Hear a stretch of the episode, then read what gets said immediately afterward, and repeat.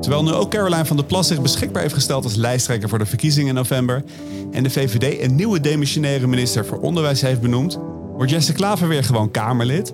Maar niet voordat GroenLinks en de Partij van de Arbeid mede dankzij zijn leiderschap hebben besloten om samen de verkiezingen in te gaan. Dit en veel meer bespreken we wederom in een extra ingelaste, enigszins geïmproviseerde aflevering van de podcast. Waarin we ons wekelijks verwonderen over het reilen en zeilen van het krankzinnige landje dat zichzelf zo graag presenteert als een bedrijf. Mijn naam is Sander Heijnen en welkom in de BV Nederland. Het aantal uitgebrachte stemmen voor is 19.000. Yes!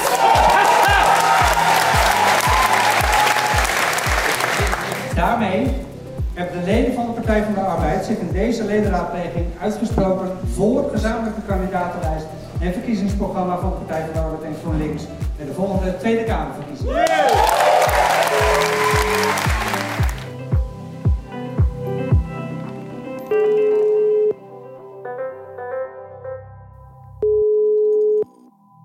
Hendrik Noten. Kan uw oproep niet beantwoorden op dit moment. Laat bericht achter na de toon. Ja, Hendrik Noten. Ik weet dat ik beloofd heb dat ik jou niet zou storen tijdens jouw kraamtijd. En ik weet dat jij helemaal fijn en gelukkig met je vrouw en je dochter op de roze wolk zit. En eigenlijk vermoed ik dat jij gewoon stiekem onderuitgezakt uh, de Tour de France ligt te kijken op de bank. Maar dat terzijde. Maar fuck jongen, er is zoveel aan de hand momenteel uh, in dit land. Hè, dit mooie, mooie land dat uh, we op de een of andere manier zo graag willen runnen als een bedrijf. Dat ik dacht, mocht jij dit horen, dan moet je me toch even terugbellen. Want misschien kunnen we nog heel veel de, podca of de podcast, misschien kunnen we nog heel veel de studio induiken om samen even een podcastje op te nemen. Want weet je nog hoe fucking cynisch we waren op de dag dat het kabinet viel? Het is nu anderhalf week geleden, denk ik. Hey, jij was nog net geen vader en ik kwam briesend, uh, jij kwam briesend mijn, uh, mijn app binnen. Van ja, het kabinet is gevallen. Dit is echt gewoon, wat de fuck is hier aan de hand? En ik zat lekker in Lourdes, in een best wel internationaal gezelschap... waar werkelijk niemand zich druk maakte om de val van het Nederlandse kabinet. Wat mij het een en ander ook deed relativeren natuurlijk. Ehm, maar goed, ik ben weer in het land. En ehm, ja, ik zit er gewoon toch weer middenin. Het is nog erger, want ik heb normaal een heel goed filter voor mijn Twitter... Uh, namelijk, dat filter heet Hendrik Noten. En uh, jij hebt mij regelmatig linkjes met, naar tweets waarvan je zegt, die moet Sander even lezen. En dan, dan zie ik dat en denk ik, oh ja, nou, fijn dat je dat doet. Maar ja, nu jij dat allemaal niet aan het doen bent, zit ik zelf toch maar weer een beetje op Twitter te kijken. En ehm, ja, dan zit je nog meer in die opwinding van het moment. En ik dacht, ja, we moeten dus nog even één weekje wachten met onze zomerserie die we zouden maken voor onze podcast. En wij moeten gewoon even uh, toch nog uh, iets uitgebreider schetsen wat er uh, straks ons te wachten staat naar de zomer. Met de verkiezingen die op komst zijn. Want gast, er is echt wat te kiezen. En waar we dus zo cynisch waren toen het kabinet viel, ben ik eigenlijk best wel hoopvol aan het raken. Misschien komt het ook omdat jij er nu niet bent om uh, allemaal pessimistische dingen mijn kant op te sturen. Misschien is dat ook wel gewoon. Uh, maar misschien is het ook gewoon wel goed voor het zomersgevoel. Dus ik dacht, als wij een podcast gaan opnemen deze week, als dat kan, en mocht je je voicemail überhaupt afluisteren, ga ik je toch even uitleggen wat, uh, wat mij optimistisch stemt voor de zomer. Want die verkiezingen die we nu gaan krijgen, die zijn eigenlijk echt broodnodig om weer ideologie in het debat te krijgen. Want weet je nog, die vorige verkiezing, die was in coronatijd. iedereen leek het toen met elkaar eens. Niemand wilde echt tegen de premier ingaan. Het was een beetje dat rally around the flag idee, weet je wel. Wat, wat je natuurlijk nu in Oekraïne heel sterk ziet. Maar wat je in de Verenigde Staten ook heel erg hebt in oorlogstijd. Dan wil niemand de commander-in-chief uh, afvallen. Want iedereen laten zien dat hij een goede patriot is. Dat hadden we toen ook een beetje. Dus er was eigenlijk helemaal geen oppositie. Er was geen inhoudelijk debat. En daarmee was er dus ook nul ideologisch debat. En wat dat ons toen heeft opgeleverd, was eigenlijk een verkiezingsuitslag die ja, eigenlijk alleen maar, die gewoon heel erg leek op die verkiezingsuitslag van vier jaar daarvoor, van 2017. dezelfde vier partijen waren weer tot elkaar veroordeeld. En het echte debat kwam eigenlijk pas op gang in dat 1 april eh, debat, weet je nog, met uh, Pieter Omzicht, functie elders. Nou, dat verhaal, uh, dat, dat hoef ik jou verder niet meer uit te leggen hoe dat zat. Maar in feite hadden we toen dus een totaal gebrek. Ik bedoel, premier Rutte staat al te boek om zijn gebrek aan ideologie. Ik zag ook een stuk in de Economist trouwens. Dat was dan wel weer grappig. Uh, dat de Economist toch een paar uh, artikeltjes heeft gewijd aan het vertrek van Mark Rutte. En de strekking, ja, strekking is natuurlijk ons bekend. Hè? Uh, zijn succes was zijn totale gebrek aan visie en ideologische vergezichten. Daardoor kon hij met iedereen aan tafel. En zijn ondergang was volgens de Economist ook zijn totale gebrek aan visie en ideologische vergezichten. Want daardoor uh, had hij nu met iedereen, had hij bij iedereen verbruikt inmiddels en kon hij met niemand meer aan tafel. Nou ja, dat was denk ik wel een goede samenvatting van waar de Nederlandse politiek er onder Rutte voor stond. Maar Rutte is weg. Rutte is weg en er is gewoon nu weer heel veel ruimte. Er is geen corona, er is geen pandemie. We kunnen gewoon met elkaar in de zaaltjes en de debatten gaan voeren. En we gaan dat doen met totaal nieuwe gezichten. Hè? Want ik weet, ik weet stiekem, ik weet niet of je dat leuk vindt uh, uh, als ik dit zo zeg, maar ik weet dat jij op voorhand niet een hele hoge pet op hebt van Dylan Jezilkus, de dame die de VVD gaat leiden. Nou, vorige week heeft Marjolein Moorman mij uitgelegd dat ze een hele slimme tante is. En eerlijkheidshalve geloof ik dat ook wel. Maar wat je ook van haar vindt, stel dat zij de verkiezing wint, krijg je in ieder geval gewoon niet een, een witte man van 40 plus in een saai pak in het torentje. En ja, ik vind dat na, uh, nou ja, hoe lang bestaat de democratie van ons? Het is 1848 en eigenlijk pas sinds 1919 echt, hè? want sindsdien mogen alle mannen en alle vrouwen stemmen. Ja, na ruim 100 jaar is dat toch winst als we eindelijk erop uitkomen dat het niet per se een oudere witte man hoeft te zijn. Het kan ook een uh, iets oudere witte, uh, witte, iets oudere vrouw zijn met een migratieachtergrond notabene. Een voormalig bootvluchteling. Dus ik, ja, ik, ik zie dat als winst. Uh, dan, uh, ja, je weet dat ik uh, inmiddels wel doodmoe ben van de boeren. Ik heb er eigenlijk helemaal geen zin, geen zin om het daar nog over te hebben. Al heb ik er toch weer even een kolompje over geschreven deze week. Um, in de Volkskrant. Maar ja, Caroline van der Plas die heeft nu gezegd: Ik word lijsttrekker. Nou, dat is natuurlijk helemaal niet verrassend. Hè? Ging het natuurlijk altijd al doen. Maar dat heeft ze nu ook formeel bevestigd.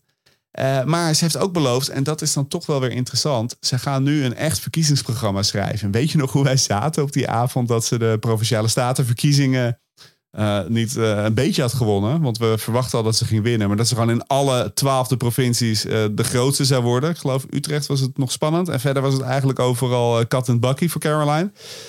En dat wij toen die avond naar hun website gingen en gingen kijken, ja, waar staat die partij eigenlijk voor? Behalve dat ze alle alle vormen van hervorming in de landbouw willen uh, blokkeren.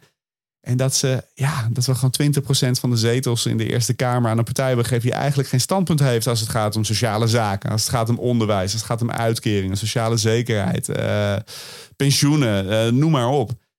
En zij hebben beloofd, ze gaan nu daadwerkelijk met een programma komen. Dus zij gaan kleur bekennen. En nou, enerzijds is dat fijn, want dan weet je waar je op stemt. Anderzijds op het moment dat je, uh, en daarom wilde Rutte natuurlijk nooit een uh, ergens kleur opbekennen, want zodra je ergens iets van vindt, dan komen er mensen die het met je oneens gaan zijn. En zij was dus heel lang, uh, kon je als je gewoon boos was op, op de status quo, op de gevestigde orde of, of, of waarop dan ook, ik weet eigenlijk niet precies, maar ja, dan kon je uh, van alles ook projecteren op, uh, op uh, Caroline. En dat kan straks eigenlijk moeilijker. Want zij moet nu gewoon dingen gaan vinden. En daarmee gaat ze ook per definitie toch ja, een deel van de mensen die haar te gek vonden. omdat zij iets op haar projecteerde wat ze helemaal niet is. van zich vervreemden. Dus ik denk dat de BBB, die zitten wel op een soort van plafond. En in mijn beleving, en misschien ben ik te optimistisch, hè, misschien omdat jij er niet bij bent om mij af te remmen. Maar het zou dus zomaar kunnen dat we nu die verkiezingen ingaan en dat, uh, ja, dat zij toch iets lager gaat scoren. Ja, en dan, en dan, want uh, ik zei al, er valt wat te kiezen. We weten nog niet op wie we kunnen stemmen, maar de linkse samenwerking, het gaat gewoon gebeuren. Het gaat gewoon gebeuren. Uh, de P van de A en GroenLinks, de leden mochten uh, stemmen over uh, de vraag: willen wij samen de verkiezingen in of niet? En heel lang waren het altijd, weet je, altijd van die, die oude, oude mannen die ook de teleurgang van links nooit hebben weten te blokkeren of nooit weten hebben te remmen of een halt toe te roepen. Die dan, ja, dan weer een interview gingen geven, een beetje de Hans Wiegels van de Partij van de Arbeid, zou ik maar zeggen. En, en die, die zijn helemaal uitgespeeld. Uh, tijdens de verkiezingen. Uh, ik zal je even een fragmentje laten horen hoe dat uh, ging zo meteen. En tijdens de verkiezingen het werd bekend dat 91,8% van de leden van GroenLinks en 87,9% van de leden van de Partij van de Arbeid, die zijn gewoon voor die fusie, voor die linkse samenwerking. En dit is, ja, je hoort hier vooral toch Jesse Klaver op het moment dat ze die uitslag hoorden. Het aantal uitgebrachte stemmen 19 voor is 19.000. Yes! Ja, hij is, gewoon echt, hij is gewoon echt super blij met die uitslag. Ik bedoel, hij wil dit gewoon echt heel graag. En je hoort het ook terug toen hij vervolgens een eh, toespraak ging houden, wat het met hem doet. Ik ben zo vaak een beetje emotioneel, jongens.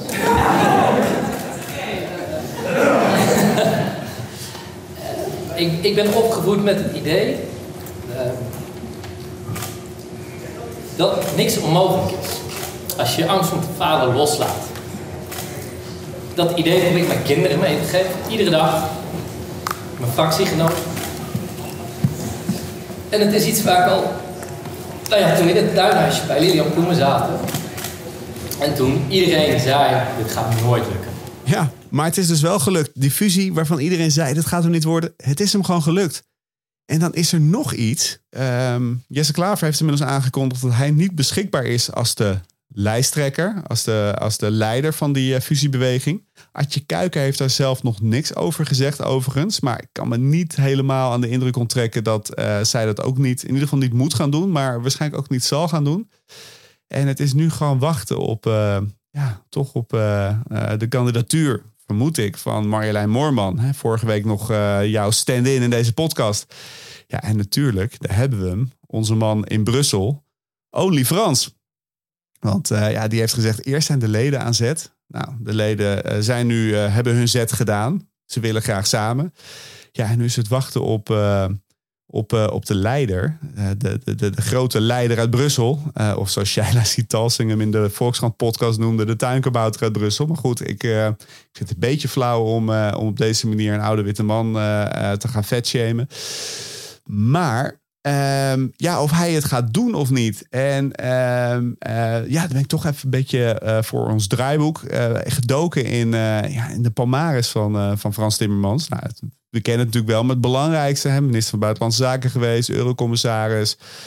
Um, hij heeft uh, de natuur- en herstelwet heeft hij er doorheen gekregen in Brussel. Hij heeft de Green Deal heeft hij er doorheen gekregen in Brussel. Brussel. En natuurlijk kan je zeggen, uh, die natuur- en herstelwet is wel wat afgezwakt door de lobby uh, van allerlei industrieën en, en door politieke concties.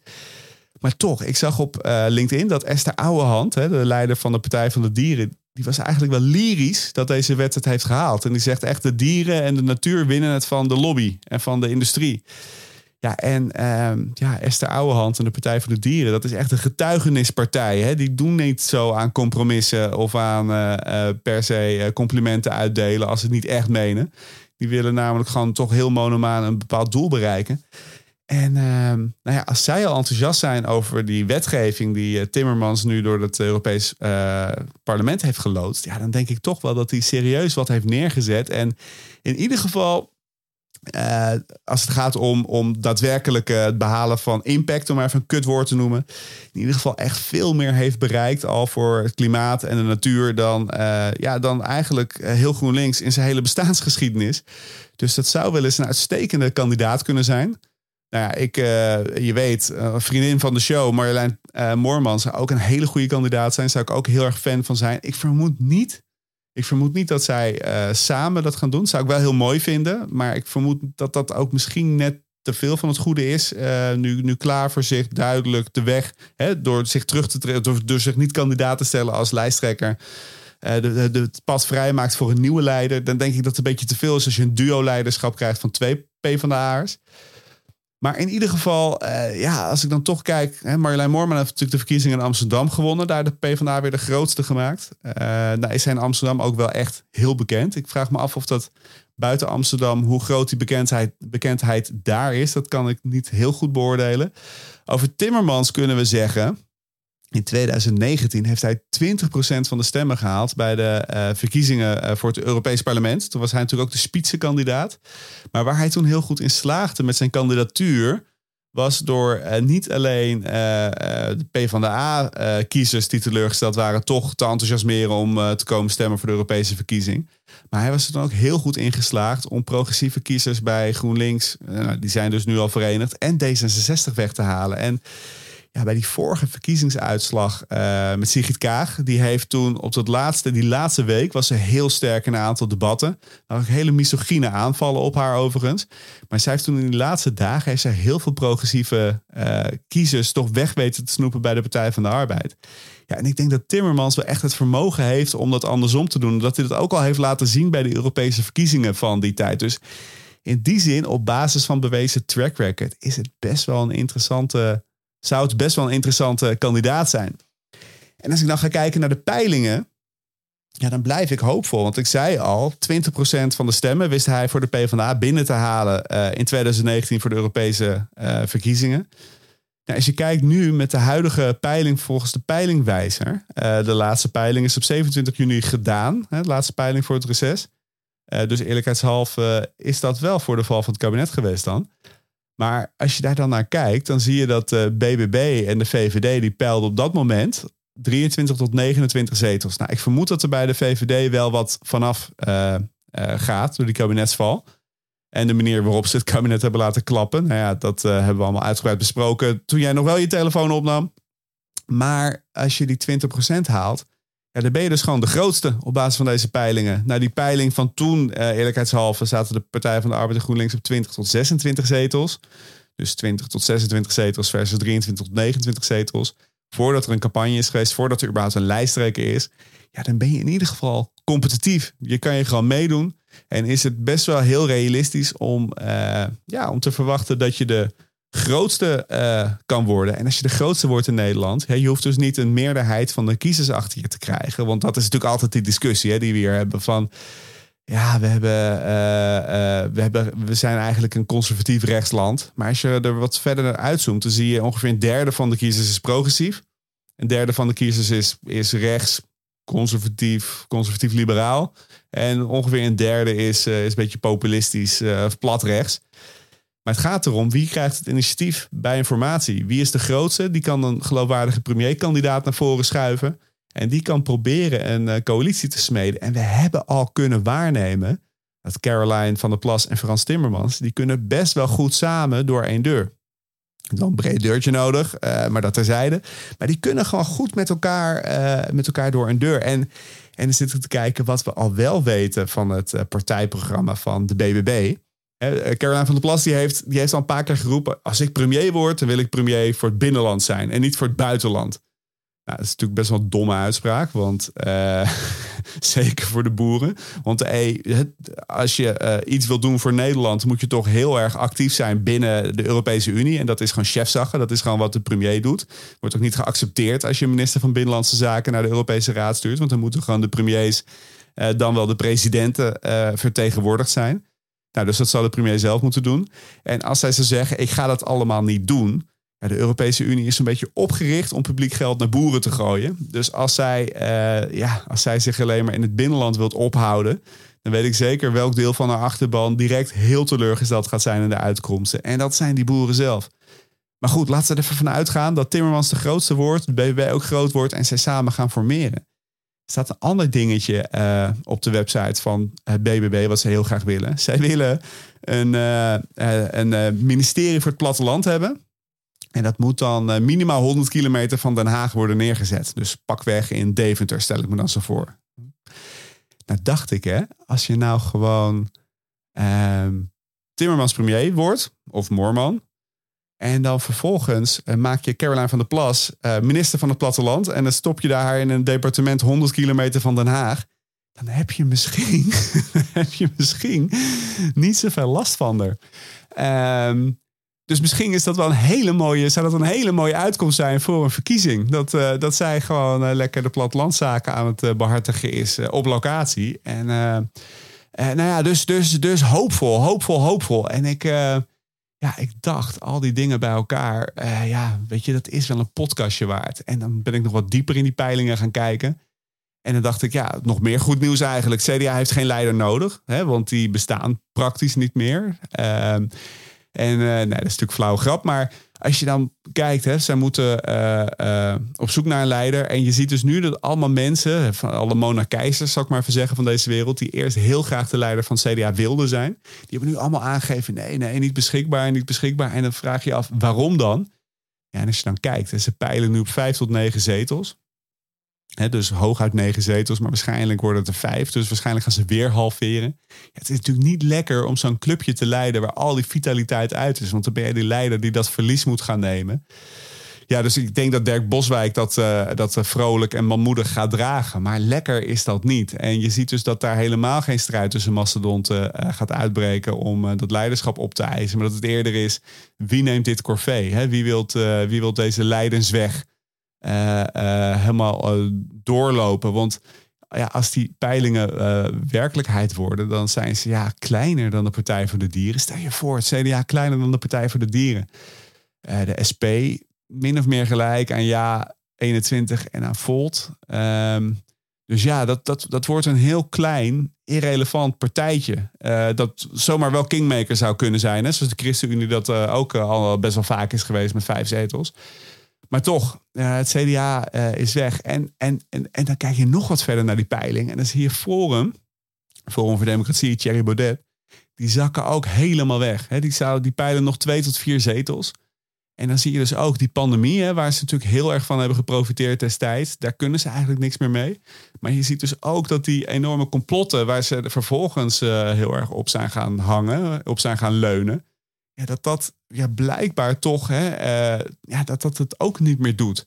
Ja, omdat ze zo klein zijn, gaat ook voor het CDA trouwens, zullen ze ook niet meer uitgenodigd worden voor de, voor de relevante radio- en televisiedebatten.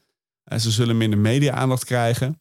En blijkbaar werkt dat online biotoop. En nog steeds twee tot vier zetels zijn nog steeds heel veel uh, mensen die op stemmen overigens hoor. Dus het is niet, het is niet zo dat het helemaal weg is en dat je er helemaal geen zorgen meer om hoeft te maken. Maar je ziet toch dat er misschien wel iets van normalisering uh, gaande is, uh, of zou kunnen zijn straks in het politieke debat in Nederland. En daar hoop ik eigenlijk, daar hoop ik eigenlijk heel erg op. Ja, goed. Het is best wel een lang voicemailbericht dit. Maar toch nog even, hè, want ik weet, jij mag zeker, als het je al lukt, om even weg te sneaken uit het huis. Terwijl jouw vrouw slaapt en je baby slaapt. Je hebt geen tijd om iets voor te bereiden. Maar ik heb zelfs een vrolijke noot heb ik voor jou gevonden.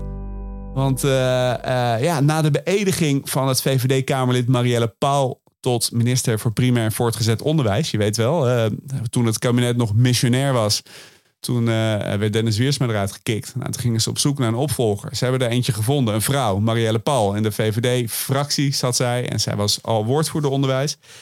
Zij gaat het nu overnemen. Zij gaat nu, uh, het is een beetje treurig wel als je, als je moet aantreden als demissionair minister. Maar goed, zij gaat het nu overnemen.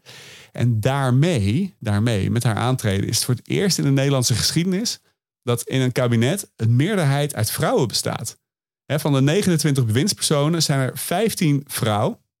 En dat gaat om 11 ministers en 4 staatssecretarissen. Dus het is ook niet zo dat dan alle ministers mannen zijn en de staatssecretarissen vrouwen. Nee, het is, uh, het is dus uh, ja, qua diversiteitsbeleid en vrouwen aan de top. Hebben we in het kabinet nu eindelijk een evenredige afspiegeling van, uh, van de man-vrouw verhoudingen in het land. En dat is hoopvol. En daarmee hè, zijn we in dit toch, toch tikkie conservatieve land dat eh, wel vaak dingen heeft getolereerd en soms even ergens mee voorop liep. Staan we opeens, zijn we opeens wereldwijd een van de dertien landen ehm, waar daadwerkelijk meer vrouwen in een kabinet zitten dan mannen. En dan zou ik je heel graag een quizvraag willen stellen. Welke andere landen hebben dat ook? Maar ja, dit is een fucking voicemail, dus jij reageert niet op die quizvraag. Maar het gaat onder meer om Spanje, om Frankrijk, om Canada. Nou ja, oké. Maar dus ook om een land als, grappig genoeg, Albanië, Rwanda en Colombia. Uh, maar goed, dat, uh, dat gezegd hebbende. Dus er, zijn, uh, er is een, een, een, groepje van 13 landen waarin dat dus blijkbaar momenteel mogelijk is om meer vrouwen in het kabinet te hebben dan mannen. Nederland is er één van. Ehm, maar gemiddeld genomen wereldwijd bestaan regeringen voor nog geen kwart uit vrouwen. Dus er is ook nog wel het een en ander te winnen. Maar goed, het lijkt me toch zeker ook naar uh, jouw dochter toe uh, een fijn beeld dat je gewoon echt als vrouw het hoogste ambt in Nederland kan bereiken. Ja, jongen, ik hoop dat je mij gaat terugbellen. En anders dan zal ik gewoon uh, ja, deze monoloog maar gewoon in de fiets zetten. Dan, dan als jij niet naar je voicemail luistert, dan zorg ik in ieder geval dat half Nederland wel dit voicemail bericht wat ik aan jou heb gestuurd hoort. En dan zeg ik tegen alle luisteraars: dank voor het luisteren. Dit was echt de laatste speciaal ingelaste soort van reguliere aflevering van BV Nederland voor dit zomerseizoen. Maar, maar, maar niet getreurd. Hendrik Noot en ik hebben al heel Europa voor je doorgereisd, doorkruist. Om een prachtige zomerserie te maken over de staat van onze favoriete vakantielanden. We hebben het natuurlijk vooral over de politieke en de economische staat van die landen. En die gaan wij vanaf volgende week dan echt uitzenden. Maar omdat er zo ongelooflijk veel, uh, ja, toch wel opwindends aan het gebeuren is in Nederland, wilden we jullie deze korte korte, bondige uh, analyse. En, en ja, analyse, het is niet echt analyse. Maar wilde jullie in ieder geval deze, deze brei aan woorden van mij niet onthouden? Uh, nou, wil je de zomerserie volgen? Of wil jij na eind augustus, wanneer we weer gewoon verse, frisse, nieuwe afleveringen gaan maken, waarin we de verkiezingen uiteraard heel erg intensief gaan volgen. Wil je dan de eerste zijn die weet dat er een nieuwe aflevering online staat? Vergeet je dan vooral niet te abonneren. Uh, op eh, deze podcast. Dat kan gewoon in je favoriete podcast-app waarin je nu ook aan het luisteren bent. Ja, dan rest mij verder nog te zeggen dat uh, ook Johan Frets en Dijkhoff en Zegers de hele zomer aanwezig zijn met, met allerlei podcasts waarin ze praten over de stand van het land, over de politiek. Ja, en uh, dan dat gezegd hebben, uh, lieve, lieve luisteraars en lieve, lieve Hendrik Noten. Ik wens jullie hele goede zomermaanden toe en we spreken elkaar in augustus. Hoi!